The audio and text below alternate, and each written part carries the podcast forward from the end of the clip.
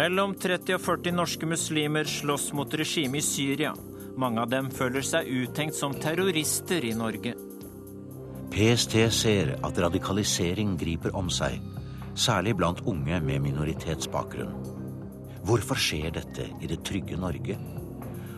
Det er 50 år siden keiser Haile Selassie og frigjøringsleder Kwamen Kroma åpnet det som skulle bli Den afrikanske union.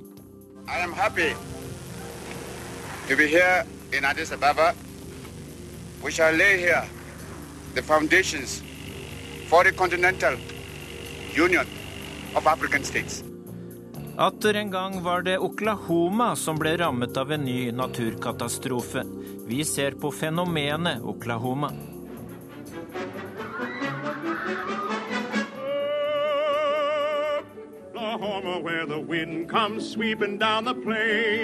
Oklahoma er for mange utlendinger best kjent gjennom Rogers og Hammersteins bonderomantiske og ikke særlig virkelighetsnære musical fra 1943.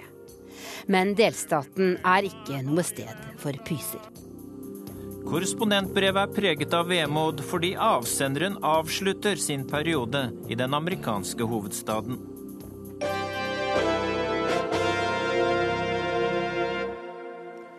Vel møtt til Verden på lørdag, jeg heter Dag Bredvei. Vi starter dette utenriksmagasinet med et forhold som angår Norge og Syria. Som vi hørte i Dagsnytt, norske myndigheter regner med at mellom 30 og 40 nordmenn har dratt til Syria for å kjempe med opprørerne mot Assad-regimet. PSTs største bekymring og frykt er at syriafarerne skal vende tilbake som potensielle terrorister. Det er respektløst å stemple dem som terrorister. Det sier Ihab Timras fra Det islamske forbundet i Norge til reporter Sissel Wold. Jeg syns dette er respektløst. Eh, dette er individer som ofrer liv og penger for å beskytte og hjelpe sivile eh, som er rammet i Syria. Eh, I motsetning til det internasjonale samfunnet, som ikke gjør noen ting for å forsvare sivile i Syria. Det sier Ihab Timras, som er rådgiver for Det islamske forbundet i Norge. Selv har Timras dratt inn i Syria med matforsyninger, og nå er han og Det islamske forbundet i gang med nok en innsamlingsaksjon. En hel verden, med unntak bare av Russland, Iran og Kina, ønsker å se Bashar al-Assads regime falle. At norske muslimer, som vil kjempe mot dette regimet, stemples som terrorister, synes Timras er ironisk. De kjemper mot et regime alle har stemplet som et terrorregime. Og så blir de da stemplet som terrorister når de gjør dette. Så dette er liksom eh, ironien på topp, altså. På sin hjemmeside har PST lagt ut flere videoer der truslene mot Norge beskrives. Islamistisk radikalisering har hittil vært et marginalt fenomen i Norge begrenset til noen få og små miljøer. Personer født og oppvokst her i landet har vært lite fremtredende i terrorrelaterte saker knyttet til ekstrem islamisme. De siste årene har det imidlertid vært indikasjoner på at dette er i ferd med å endre seg.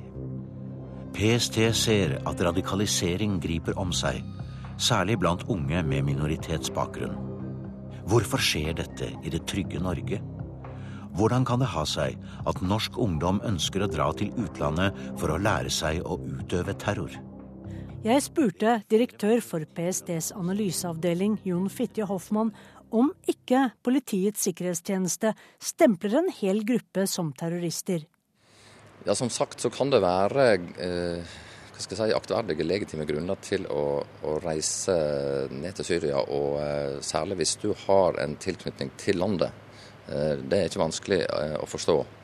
Eh, og det kan godt være at, at en føler seg stigmatisert hvis en blir, føler at en blir sett i bås med ekstreme islamister. Men vi forsøker ikke å si, skjære alle over én kam. Bildet er ganske nyansert.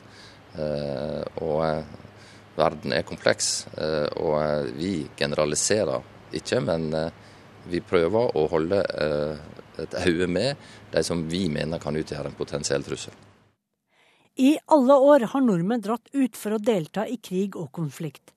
Enten de dro som korsfarere for å ta Jerusalem fra muslimene, eller de dro til Spania for å kjempe mot Francos diktatur.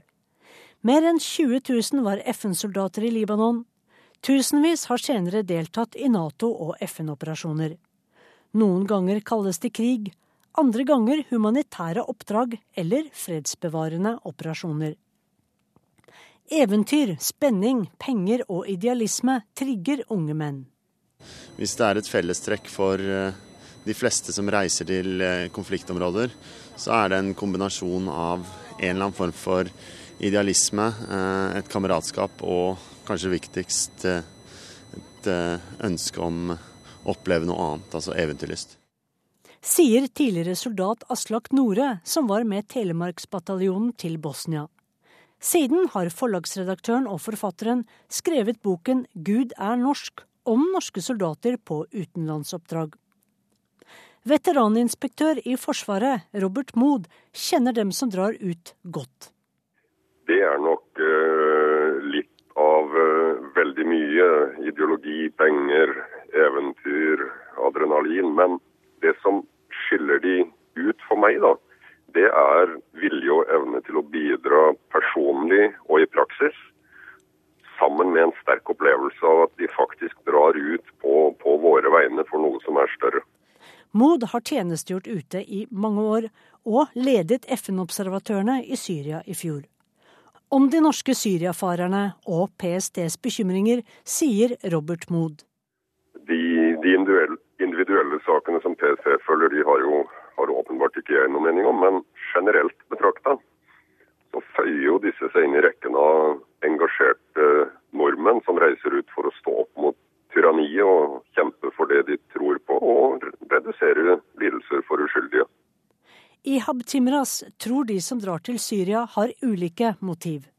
Eh, jeg tror ikke det er en ensartet type gruppe. Eh, jeg tror det er folk som bryr seg. Det er folk man har respekt for. De er villige til å ofre liv og egne penger eh, for å beskytte sivile.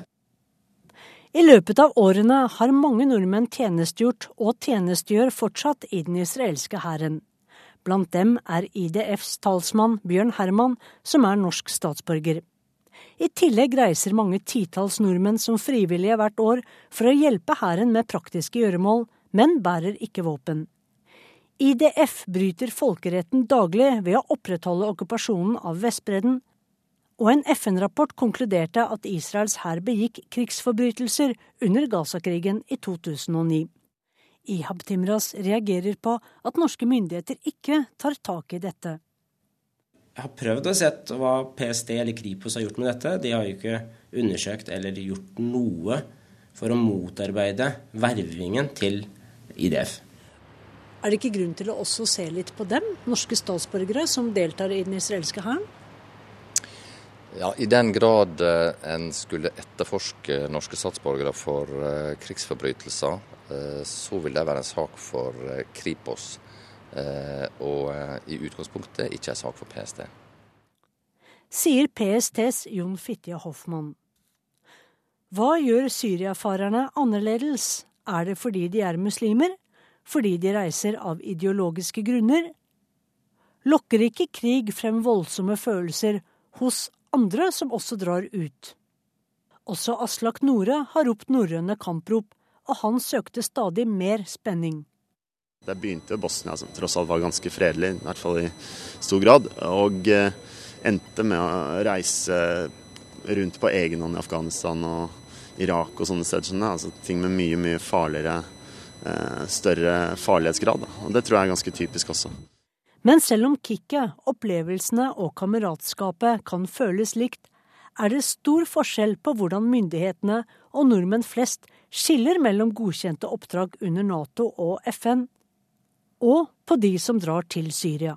Jeg, jeg, skal ikke romantisere de som drar til Syria. Jeg tror at PST på mange måter har rett i at det kan være, det kan være noe skummelt og farlig i det. Eh, fordi det er folk der som får eh, gale impulser. Det er jeg ganske sikker på. Eh, det tyder i hvert fall alle erfaringer fra andre konfliktområder i Midtøsten og Sentral-Asia det siste tiåret på. Men det betyr ikke at alle som drar dit, er jihadister eller fundamentalister. Det gjør det ikke. Sier Aslak Nore. Tror du det er grunn til å være mer bekymret for syriafarerne når de kommer hjem til Norge igjen, enn det er for andre? Min erfaring i forhold til eh, la oss kalle det veteraner som vender hjem, da, det er jo tvert imot egentlig at de vender hjem faktisk med større respekt for demokratiet, og for at demokratiet ikke skaper seg sjøl. Eh, det er noe vi gjør sammen. ikke sant? Vi skaper selv våre verdier og symboler. Og respekten for det er blitt større etter at man har vært ute og opplevd uh, grusomheter. I tillegg så har jo mange veteraner opplevd uh, muslimers gjestfrihet og verdier i praksis. Og vet veldig godt at religion i seg selv ikke er problemet, det er ekstremismen som er problemet, uansett hvilken form og farge den kommer i. Sier generalmajor Robert Mood.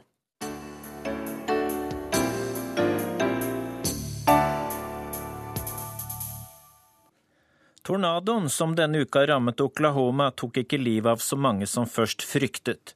Trolig fordi de som bor i præriedelstaten vet hvordan de beskytter seg mot naturkatastrofer. Til alle tider har folk i Oklahoma levd med naturens vrede. Reporter Tove Bjørgaas har laget denne reportasjen om fenomenet Oklahoma. We lost our home, pretty much lost everything, but we have each other. You know, that's, uh, that's. Vi har mistet hjemmet vårt og det meste av det vi eide. Men vi har hverandre, og det er det som virkelig betyr noe, sier Pete Prito til nyhetsbyrået AFP. Sammen med datteren Monica på ni er han tilbake i ruinene av Plaza Towers Elementary School, der sju elever mistet livet da tornadoen traff skolen som en buldrende miksmaster fra oven. Uh, we could see the tornado, trees flying, there was cars,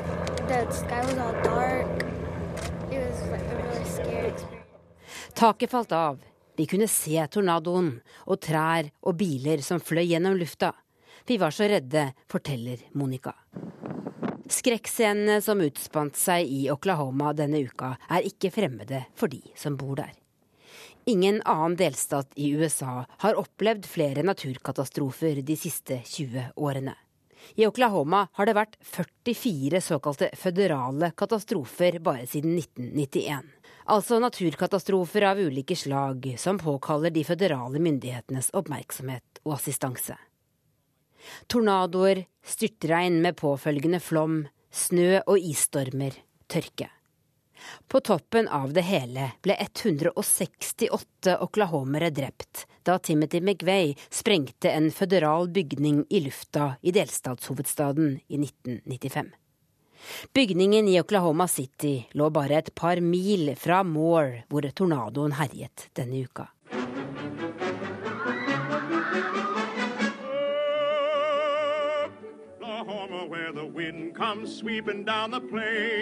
Oklahoma er for mange utlendinger best kjent gjennom Rogers og Hammersteins bonderomantiske og ikke særlig virkelighetsnære musical fra 1943. Men delstaten er ikke noe sted for pyser.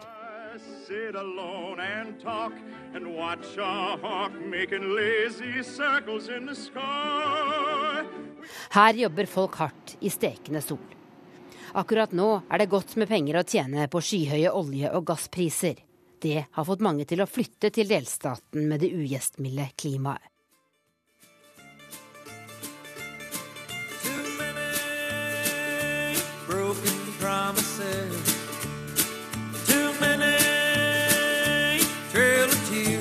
Men de som først kom hit, på 1800-tallet, kom ikke frivillig.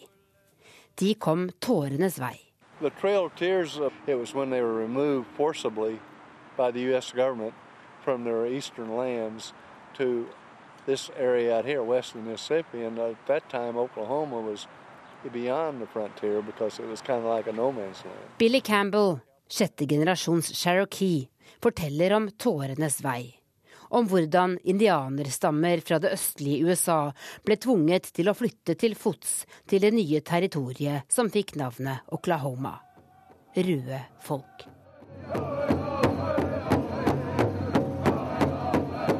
I dag bor representanter for flere hundre av USAs indianerstammer her.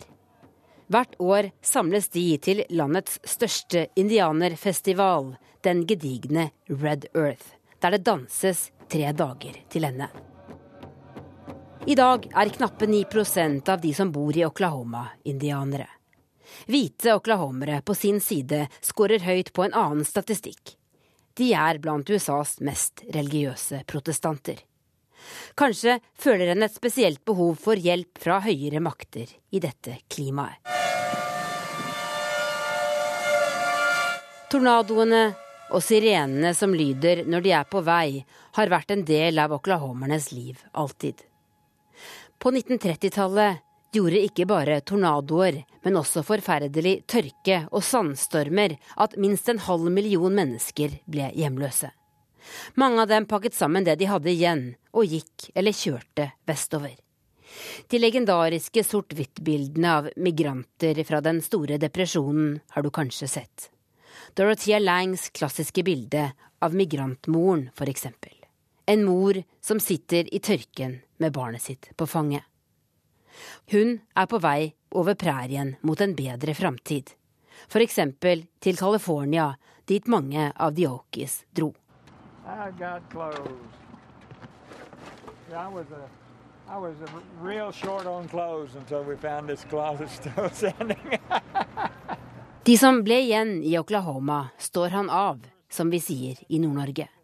Rick Brown, for eksempel, som leter i ruinhaugen etter det som var hjemmet hans fram til sist mandag.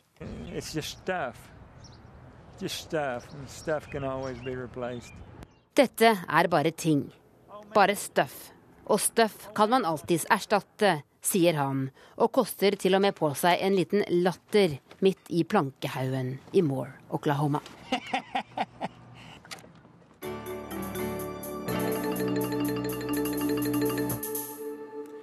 Den afrikanske union feirer 50 år.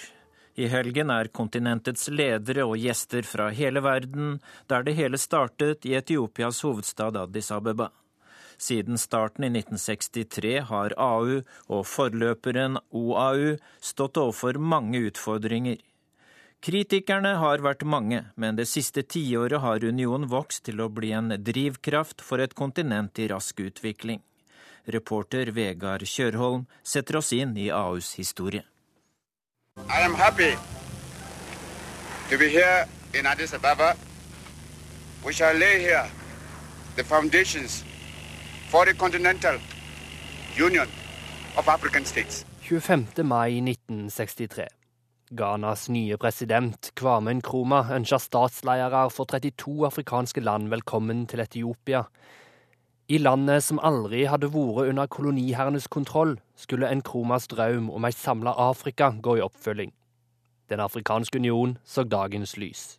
Målet var å skape ei sammeint og solidarisk Afrika som skulle leve i fred. Men det skulle etter hvert vise seg at de afrikanske historiebøkene ble annerledes. De første tiåra med selvstyre ble mer prega av krig og svolt enn fred og solidaritet. Krig, flukt, voldtekter, drap, sult og sykdommer.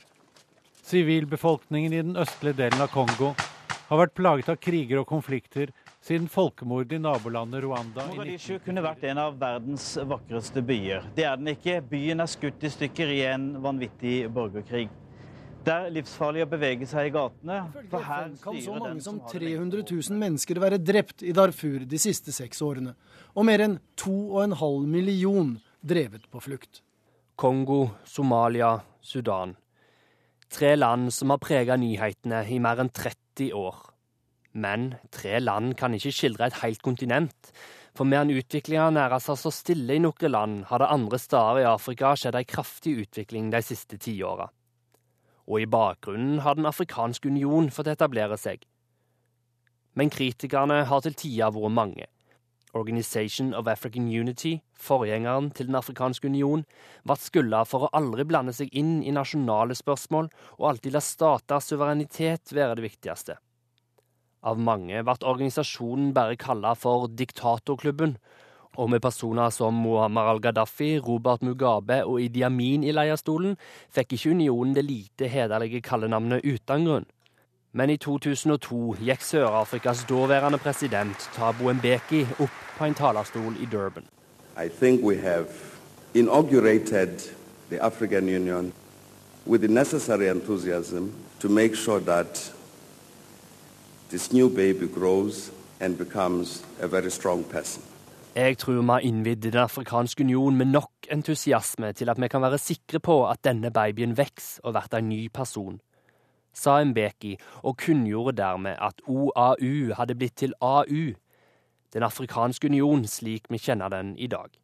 Og babyen vaks, med etablering av et eget fred- og tryggingsråd og opparbeiding av militære styrker har Den afrikanske union blitt en viktig aktør i konflikter på det afrikanske kontinent. Når et statskupp skjer, blir landet ekskludert, og når et konfliktfullt presidentvalg skal gjennomføres, sendes det hjelp. We came here with a mandate from the African Union, and we've worked with the government and the people of Kenya throughout this period. And we also have an understanding with them that we are going to work and, and stay, with the, stay over the course till the next election. Det sa Kofi Annan da han var AUs i diplomatiske utsending til Kenya etter at presidentvalget i 2008 hadde enda opp i valg og drap. Og etter at OAU ble til AU, har også unionen sendt sine egne styrker til Sudan og Somalia, og Freds- og tryggingsrådet har blitt en viktig hjelp i konflikter som for tid til annen blusser opp. Mest nylig i Mali, Den sentralafrikanske republikk og Kongo. Ved hjelp av hamskifte har unionen gått fra å bli omtalt som et skall uten innhold, til å bli en organisasjon som blir inkludert i den internasjonale toppolitikken. Det er mange som mener at det afrikanske kontinentet står foran en rivende utvikling i åra som kommer. Og om så skjer, kan også Den afrikanske union sin påvirkningskraft holde fram med å vokse. I dag er gjester fra hele verden samlet i Addis Abeba i Etiopia, der Den afrikanske union har sitt hovedkvarter, for å feire AUs 50-årsjubileum. John Kerry fra USA er der, og fra Norge utenriksminister Espen Barth Eide. Og Barth Eide, du skal inn i AUs nye hovedkvarter og feire 50-åringen. og Hva vil du trekke fram som det viktigste AU har oppnådd?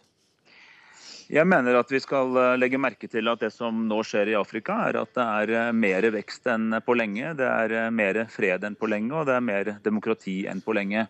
Selv om Afrika har mange utestående utfordringer, så er det et kontinent som nå faktisk på mange måter ser ut til å ha kommet på et mye bedre spor enn for bare få år siden. Og jeg mener at AU er en del av forklaringen til det. Hvilke framtidsutsikter har AU etter din mening? Jeg mener at AU har stort potensial. Det er en moderne organisasjon på papiret. Så jobber de for å få den effekten som tilsvarer det de sier på papiret, også i praksis. Så der er det langt igjen. Men i motsetning til AUs forgjenger OAU, altså Organisasjonen for afrikansk enhet, så har man jo her et stort fokus på menneskerettigheter, på samarbeid over landegrensene og på et gjensidig ansvar for å bygge noen normer for hvordan også afrikanske land skal styres. Og Det mener jeg er veldig bra for menneskene i Afrika at de har fått til. Og også det at vi ser at verden nå går mot mer regionalisering. Vi har lenge snakket om globalisering. Men det fenomenet at regioner nå også søker sammen for en tettere integrasjon, slik Europa har gjort for lenge siden, det ser vi også nå i Afrika. og Det tror jeg er et viktig bidrag til økonomisk og politisk fremgang.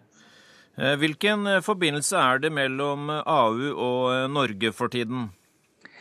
Ja, Norge har hele tiden støttet opp om utviklingen av AU, og ikke minst etter at AU overtok for Organisasjonen for afrikansk enhet, så har vi forsøkt å være en konstruktiv støttespiller i mange av de oppgavene AU prøver å løse, både gjennom politiske og økonomiske bidrag. Og vi, og vi, samarbeider mer og mer med AU når vi jobber med andre afrikanske spørsmål. Med andre ord, Der vi tidligere jobbet først og fremst bilateralt, så forsøker vi nå også å se den, den, regionale dimensjonen, og da er det naturlig å arbeide via AU. Og denne byen Addis Abeba, som for øvrig bugner av byggevirksomhet og, og, og økonomisk aktivitet, er jo mer og mer, fremstår mer og mer som Afrikas hovedstad, nettopp fordi AU-hovedkvarteret ligger her, og de viktigste politiske møtene i Afrika finner sted her.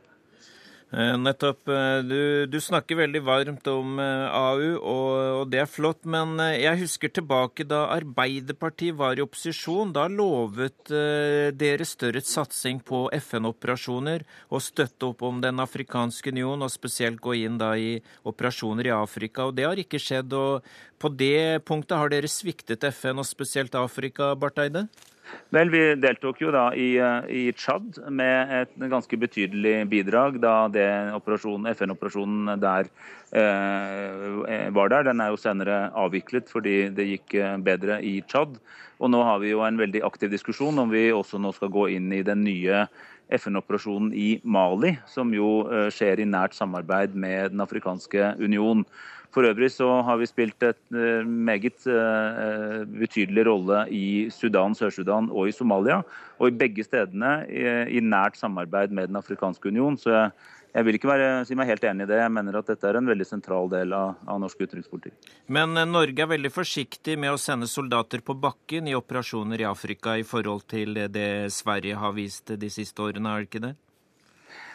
Nå er det en stund siden Sverige har hatt et større bidrag, men, eh, men, det er klart at vi er ikke så mye ute i FN som vi eh, pleide å være i gode gamle dager. Eh, og eh, det er definitivt en, eh, en, utfordring at vi nå som vi etter hvert avvikler Afghanistan-engasjementet, kan få et, et, voksende fokus igjen på FNs operasjoner. Og dette er en diskusjon som går i mange vestlige land, og, og flere av oss i Europa snakker om hvordan vi kan bidra mer. Men samtidig er det slik at her i Afrika så vurderer man det slik at eh, det først og fremst bør være afrikanske eh, bidragsytere til fredsoperasjoner i Afrika. Det europeiske land kan bidra med, er en type kapasiteter som eh, gjør de andre bedre, altså en del såkalte nisjekapasiteter som kan være riktig og viktig for å få til mer moderne fredsoperasjoner, men der de store volumene kommer fra Afrika selv. Det er faktisk et ønske mange afrikanske ledere uttrykker, bl.a. her i Addis Abeba. Ambassadør i Addis Abeba Odd Inge Kvalheim, du følger utviklingen i AU på nært hold. og Tidligere så var det OAU som ble sterkt kritisert fordi organisasjonen ikke blandet seg inn i enkeltlands politikk, og dermed kunne også diktatorer slippe unna. Men eh, AU har et bedre renommé. Ja, det, det må jeg absolutt eh, si. Eh, OAU ble, ble stiftet i en kontekst av dekolonialisering. Eh, og eh, i en situasjon hvor apartheid fremdeles eksisterte i Sør-Afrika. Eh, og mye av fokuset på, i den tidlige fasen av samarbeid var, gikk på å, å hindre innblanding utenifra.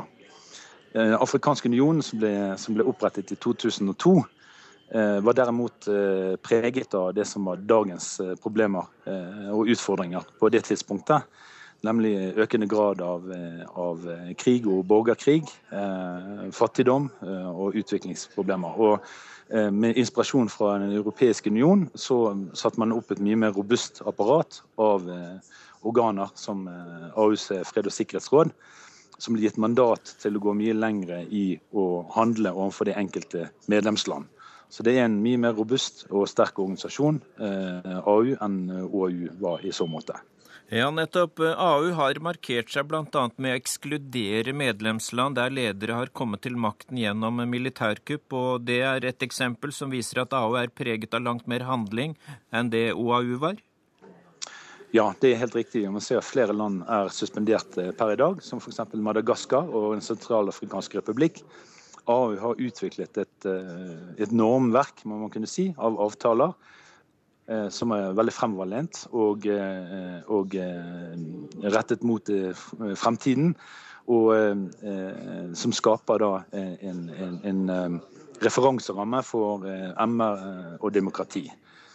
Sånn at det er et helt annet sett av virkemidler som en nå kan bruke.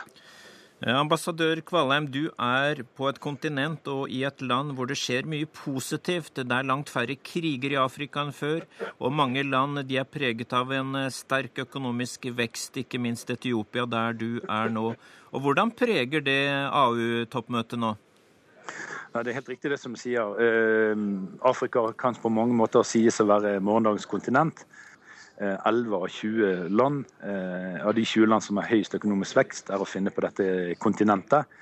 Og, det gir jo en, en følelse av at, hva skal si, en fremtidsoptimisme som også spiller seg av i det politiske liv. og, og Nettopp gjennom dette jubileumstoppmøtet så ønsker man da å peke i en retning av videre samarbeid. Det er veldig behov for å bygge ut infrastruktur og en rekke andre ting som kan fremme eh, økonomisk vekst og samhandel. Det er bare 10% av eh, handelen i Afrika foregår mellom afrikanske land. Så det er mye å utrette fremdeles. Eh, utenriksminister Barth Eide, det er eh, mange land som opplever en økonomisk vekst i Afrika. Det er en gryende optimisme. Og du er altså i vertsnasjonen Etiopia, som også overrasker med sterk økonomisk vekst gjennom flere år. Og Hvordan eh, vil dette prege AU-toppmøtet og dette jubileet som du er på nå? Etiopia utmerker seg både med høy økonomisk vekst og faktisk også vil være et av de landene i Afrika der Eh, forskjellen mellom fattig og rik relativt sett er lavest, altså som har best eh, indikatorer på, eh, på, den fronten. Det er veldig positivt. Samtidig er det jo et land med betydelige demokratiske utfordringer, noe vi systematisk tar opp når vi snakker med etiopiske myndigheter. Jeg har selv hatt en meget god samtale med Haile Mariam Desaleng, som er Etiopias statsminister, nettopp opp den type spørsmål, og opplever at det er en erkjennelse av at landet har en god vei å gå på den fronten. Takk skal du ha, og lykke til med jubileet i Addis Abeba.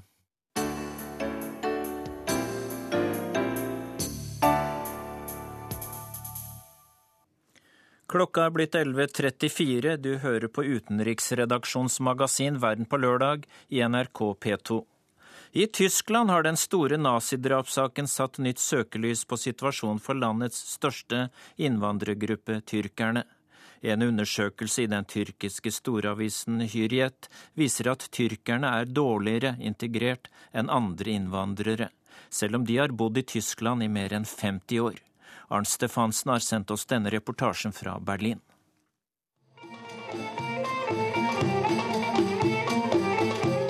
Folkemusikk fra Anatolia i det østlige Tyrkia lyder over Potsdamer plass, hjertet av det nye Berlin. Mellom moderne kontorbygg i glass og betong står en stor modell av en moské, og rundt meg dufter det av Orientens matretter. Jeg er på kulturfestivalen Berlin-Istanbul, som denne uken ble arrangert for annet år på rad og med stor deltakelse. Musikk, billedkunst, kunsthåndverk og matlaging er noen av innslagene, og ideen er å bringe en liten bit Istanbul til den tyske hovedstaden, for derved å bekjempe mistro og fordommer, sier Berini Leri, talskvinne for. Vi vil gjerne bidra til et fredelig samliv mellom mennesker med tysk og tyrkisk bakgrunn. Vi tror at mye av årsaken til fremmedfiendtlighet er at folk er redde for det de ikke kjenner, og ved å gjøre det fremmede litt mer kjent, håper vi at det tysk-tyrkiske samlivet kan bli lettere, sier hun.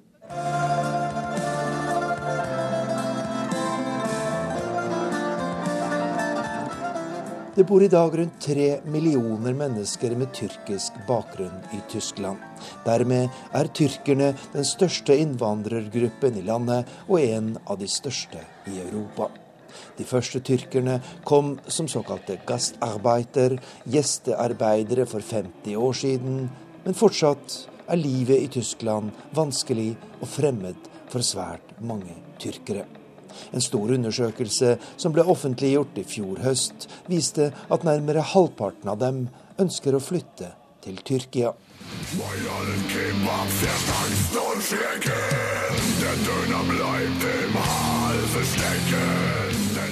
En hendelse som har rystet den tyrkiske befolkningen i Tyskland, er de såkalte kebabdrapene. Ni innvandrere, åtte av dem med tyrkisk bakgrunn, ble myrdet av en nynazistgruppe, og selv om drapene pågikk over en periode på mer enn seks år, greide tysk politi og etterretning aldri å oppklare saken. Talskvinnen for Berlin-Istanbul-festivalen mener dette har skadet tyrkernes tillit til tyske myndigheter betydelig. Dette er selvfølgelig en helt forferdelig sak, og det har tyske myndigheter innsett. Én ting er å gjøre feil, det kan skje i alle drapssaker, men i dette tilfellet snakker vi om en serie av feil, og også om en helt gal etterforskningsmetode der politiet mistenkte og trakasserte ofrenes familier i stedet for å forfølge det helt opplagte sporet en rasistisk motivert forbrytelse. Det er ingen tvil om at denne saken har svekket tyrkernes tillit til at den tyske staten er i stand til å beskytte dem, sier Berin ileri.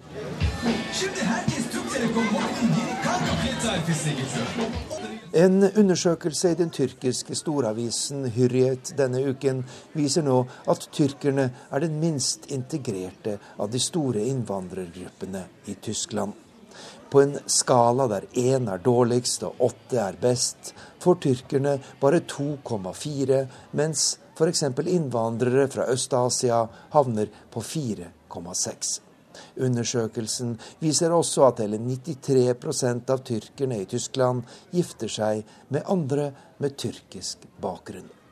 Situasjonen er vanskelig, men bildet er ikke helsvart, mener den tyske psykologen Harald Felkeneier, som jeg møter på festivalen Berlin-Istanbul. Dort, wo sich die Türken äh, isoliert fühlen, ausgeschlossen fühlen, ist er nicht gelungen. Der hvor tyrkerne trekker seg tilbake i lukkede miljøer til såkalte parallellsamfunn, har integrasjon vært en katastrofe. Men det er mange tyrkere som gir viktige og positive bidrag til det tyske samfunnet. De har f.eks. brakt en matkultur som utvilsomt har beriket oss, og en stor del av den tyrkiske befolkningen er flittige og ærlige mennesker som mange av oss tyskere har mye å lære av, sier psykologen Harald Felkenayer. Musikk fra Anatolia bygger bro mellom tyskere og tre millioner innvandrere med tyrkisk bakgrunn. Men utfordringene er store for det mer enn 50 år lange samlivet. Fra Tyskland forflytter vi oss tilbake til USA. For der førte en rekke svært pikante bilder og tekstmeldinger til at den demokratiske kongressrepresentanten Anthony Wiener måtte trekke seg i 2011. Men denne uka annonserte han et oppsiktsvekkende comeback. Reporter Stig Arild Pettersen har laget denne reportasjen om Anthony Wiener. The gentleman is providing cover for his colleagues rather than doing the right thing. It's Republicans wrapping their arms around Republicans rather than doing the right thing on behalf of the heroes. It is a shame! A shame! Anthony Weiner var en stjerne i Det demokratiske partiet. Med stort engasjement og uslokkelig energi talte han gjennom tolv år demokratenes kjernesaker i Kongressen. For middelklassen, for helsereform, for veteraner, homofiles rettigheter og abort. Han var uredd og gikk alltid rett i strupen på sine republikanske motstandere.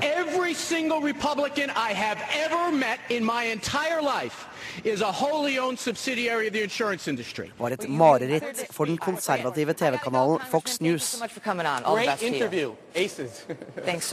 Og var ikke redd for å vitse med sitt eget navn. And really, like, who is Boehner fooling? What am I, like Anthony Weiner? What am I? Anthony Weiner var en mann som orienterte seg godt i maktens korridorer. Han var gift med Hillary Clintons nærmeste rådgiver og venn, og Bill Clinton talte i bryllupet deres. Han var favoritt til å bli verdensmetropolen New Yorks neste borgermester. Og han var Kongressens mest aktive tvitrer. This is the picture that started the controversy. Tweeted from the account of one of Congress's brightest Democratic stars. Et bilde av en underbukse med en hard gjenstand i ble i 2011 sendt fra Anthony Wieners Twitter-konto til en 21 år gammel studine.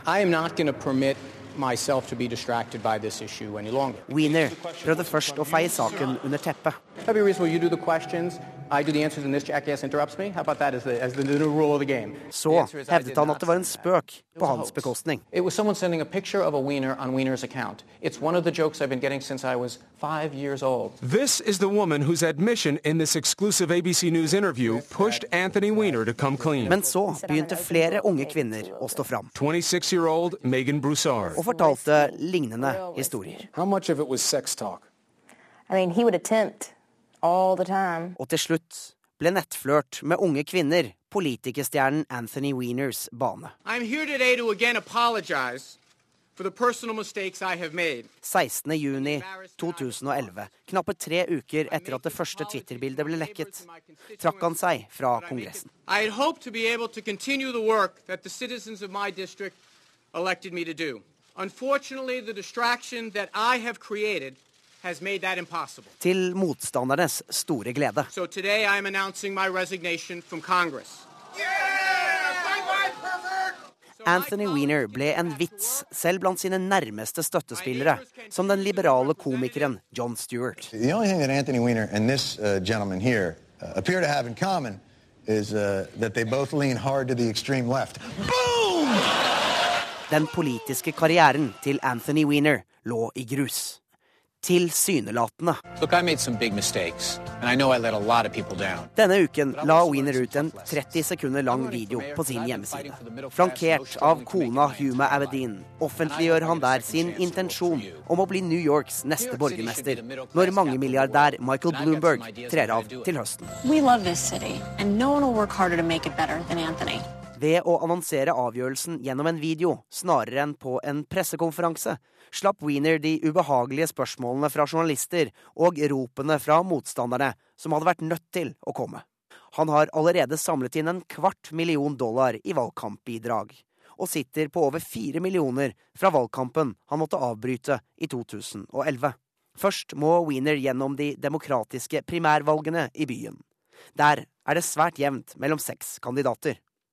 Vinneren av demokratenes primærvalg blir etter alt å dømme New Yorks neste borgermester. Og meningsmålingene utført på vegne av Wiener viser at New Yorks innbyggere er vilje til å tilgi. Et viktig steg har i alle fall Anthony Wiener tatt for å spre sitt politiske budskap. Etter to års fravær er han tilbake på Twitter. Fra Wiener til fersken her i Verden på lørdag. Denne uken gjester greske ferskenprodusenter Norge. Formålet er å få nordmenn til ikke bare å nyte den saftige frukten på ferier i Hellas, men å importere gresk fersken til Norge. Reporter Charlotte Bergløf møtte grekerne i Oslo der oppfordringen lød 'Tenk fersken', og vi spurte hvorfor. You should uh, think peach uh, because peach is uh, fruit that has many minerals, vitamins and antioxidants. Fordi fersken er helse, og det smaker godt. Fersken er jo en av selvfølgelig mange frukter, men det er en fantastisk smakfull frukt. Det er, en veldig sunn frukt. Det er de beste ferskene i verden, det er de. De er alle enige. Den greske ambassadøren, ferskenprodusentene og Fedon Lindberg. Fersken er sunt, og den greske er i verdensklasse. Derfor vil de at også Norge skal importere frukten fra Hellas. Mine damer og herrer. For å overbevise oss har åtte ferskenprodusenter fra de største jordbrukskooperativene i Nord-Hellas tatt turen til Norge, med støtte fra EU og hjemlandet. Jordbruksutvikling vil være en bærebjelke i løsningen som skal føre oss gjennom denne vanskelige tiden i Hellas. Den greske naturen er vår fordel, forteller ferskenprodusent Papakostas Athanasios til de fremmøtte på SAS-hotellet. Den greske bransjeforeningen Ferskenprodusenter står for den største produksjonen av fersken i Europa, og forteller at de selv merker lite til den økonomiske krisen fordi de hovedsakelig eksporterer sine varer. Men at situasjonen i Hellas er dramatisk, legger de ikke skjul på. Denne uken kom tallene som viser at landet er inne i sitt sjette år på rad med resesjon. Men til tross for skyhøye arbeidsledighetstall på 27% kutt i lønninger og økte skatter, aner man nå en gryende optimisme blant grekerne. The economic situation is stabilizing. That means that they are not more talking now about uh, exit from euro, uh, Grexit as uh, they would say, but now we have uh, another term called uh, means that uh, Den økonomiske situasjonen er i ferd med å stabilisere seg, og vi snakker ikke lenger om en exit fra eurosonen, grexit som noen kaller det, men om recovery, å komme oss gjennom dette, forteller ambassadør Antonios Blavianos. Han viser til statsminister Antonis Samaras privatiseringsprogrammer og forsøk på å stimulere eksporten, bl.a. ved å reise til Kina denne uken. Ferskenprodusentene nøyer seg i første omgang med tre andre land utenfor EU. Norge, Ukraina og Russland der de i tre år skal spre informasjon om gresk fersken. If the consumption in, in uh, Norway increases, it means that we're going to have more exports. Hvis forbruket i Norge øker, øker eksporten, og vi får en bedre anledning til å stabilisere makroøkonomien og ha større forhåpninger til økonomien i Hellas de kommende år, sier Maria Naumpanti, som leder ferskenprosjektet. I beste fall kan kanskje nordmenns ferskenforbruk føre til en bedre helse her til lands, og en sunnere økonomi i Hellas? Jeg håper det er inderlig det. Det, det må være win-win for, eh, for, begge, så det håper jeg. I likhet med Fedon Lindberg ser ambassadør Antonios Flavianos at det å tenke fersken kan være positivt for begge parter. Yes, countries... Uh, ja, jeg tror at dette er et område hvor de to landene kan samarbeide godt, sier ambassadøren til sist. I USA, i Washington, der går det mot korrespondentskifte. Og i sitt siste korrespondentbrev, der skildrer vår mann Jon Gelius hvordan det er å bryte opp fra sin USA-tilværelse. Et lite ord ga meg et lite stikk i hjertet denne uken. Rent, leie. Fire hvite bokstaver på rød bunn. Skiltet med det enkle budskapet ble satt opp i hagen til huset vi leier her i Washington, og dermed rykket plutselig hjemreisen nærmere. Å bryte opp her i amerikanernes hovedstad blir vemodig. Korrespondenttilværelsen og dagliglivet har vært fylt av kontraster. Fra å slippe innenfor dørene til det ovale kontoret til verdens mektigste mann i Det hvite hus, til å stå foran sammenraste boliger i Oklahoma denne uken. Jobben min innebærer at jeg på kort varsel må kunne hive meg rundt når nyhetsbegivenheter inntreffer. Verst er det når katastrofer rammer. Jeg føler jeg de siste ukene har vært reisende i katastrofer. Fra terrorbomber under maratonløpet i Boston via en gjødselfabrikk som eksploderte og la deler av byen West i Texas i ruiner, til denne ukes ufattelige ødeleggelser etter at en tornado herjet forstaden Moore i Oklahoma. I løpet av 90 sekunder snudde tornadoen livet på hodet for innbyggerne i Moore. Jeg rakk å se noen TV-bilder før jeg kastet meg på et fly i retning katastrofeområdet for å rapportere hjem om ødeleggelsene. Den siste biten frem til byen Moore kjørte jeg bil, og da jeg svingte av motorveien, åpenbarte det seg et syn jeg aldri kommer til å glemme. Restene av et stort kjøpesenter gapte mot meg. Det var nærmest bare skjelettet igjen. På parkeringsplassen lå biler slengt hulter til bulter. De var løftet i været og kastet om kull som om de skulle være leketøysbiler. Jeg prøvde å konsentrere meg om hva jeg skulle berette i Dagsrevyen. Jeg vandret hvileløst rundt og forsøkte å samle tankene. Det var da jeg fikk øye på henne. En rosa teddybjørn med to små hjerter på magen. Den lå henslengt på et gressjorde blant biter av bygningsmaterialer og andre løsrevne gjenstander. Teddybjørnen må ha blitt slynget ut av et hjem da tornadoen herjet. Ikke vet jeg hvor lang luftseilas den hadde hatt. Det var nemlig ingen hus i umiddelbar nærhet. Det var noe uskyldig med denne teddybjørnen. Den lå der så stille, så stille. Noen minutter senere fortalte jeg i Dagsrevyen om de ufattelige ødeleggelsene jeg hadde sett. I mitt første svar nevnte jeg også teddybjørnen. Jeg vet egentlig ikke hvorfor. Det bare skjedde. Senere har jeg tenkt mye på hvem som eide denne teddybjørnen. Vi er jo mange som har sett små barn knuge en teddybjørn inntil seg. En slags vokter for de aller minste. Det var kanskje derfor den traff meg i magen, den halvskitne rosa teddybjørnen på gressjordet i Moore. Symbolkraften på det triste og leie, på adskillelsens smerte. Om det å miste et trygt holdepunkt i hverdagen. Slik sett sto plutselig den enslige og ensomme teddybjørnen for meg som et vitnesbyrd om tragedien.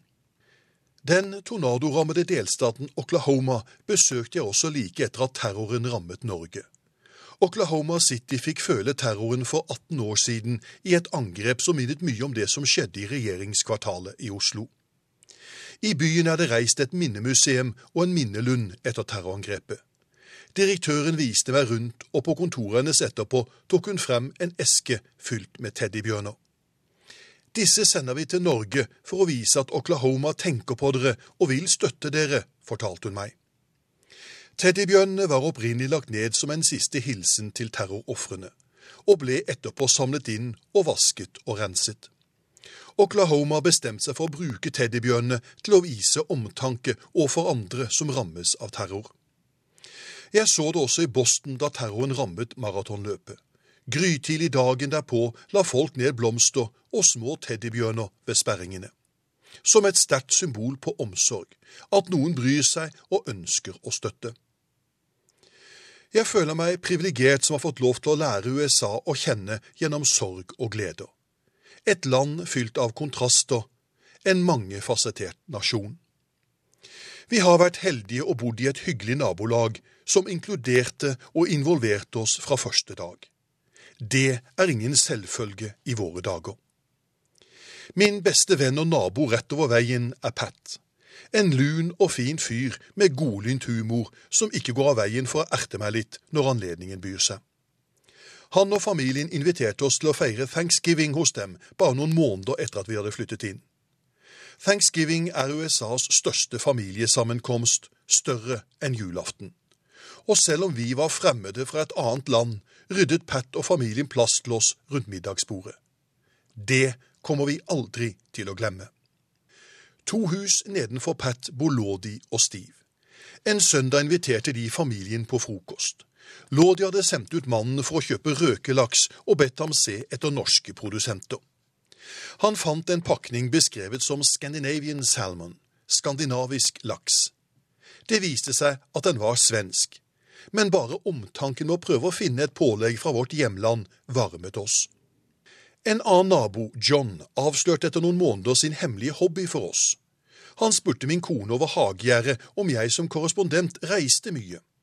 Jo da, svarte min bedre halvdel, det blir noen reisedøgn hver eneste måned.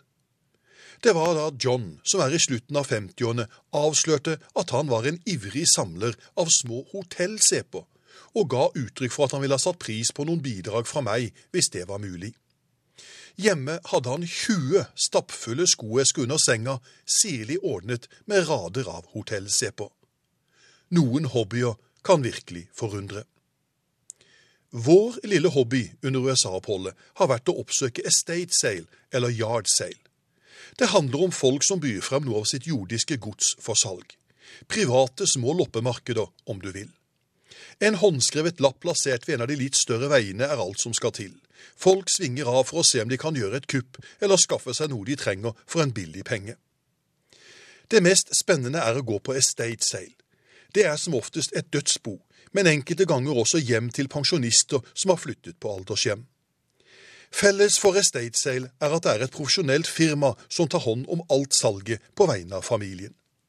Det føles litt rart å gå på estate sale. Det innebærer at alt, absolutt alt, er for salg.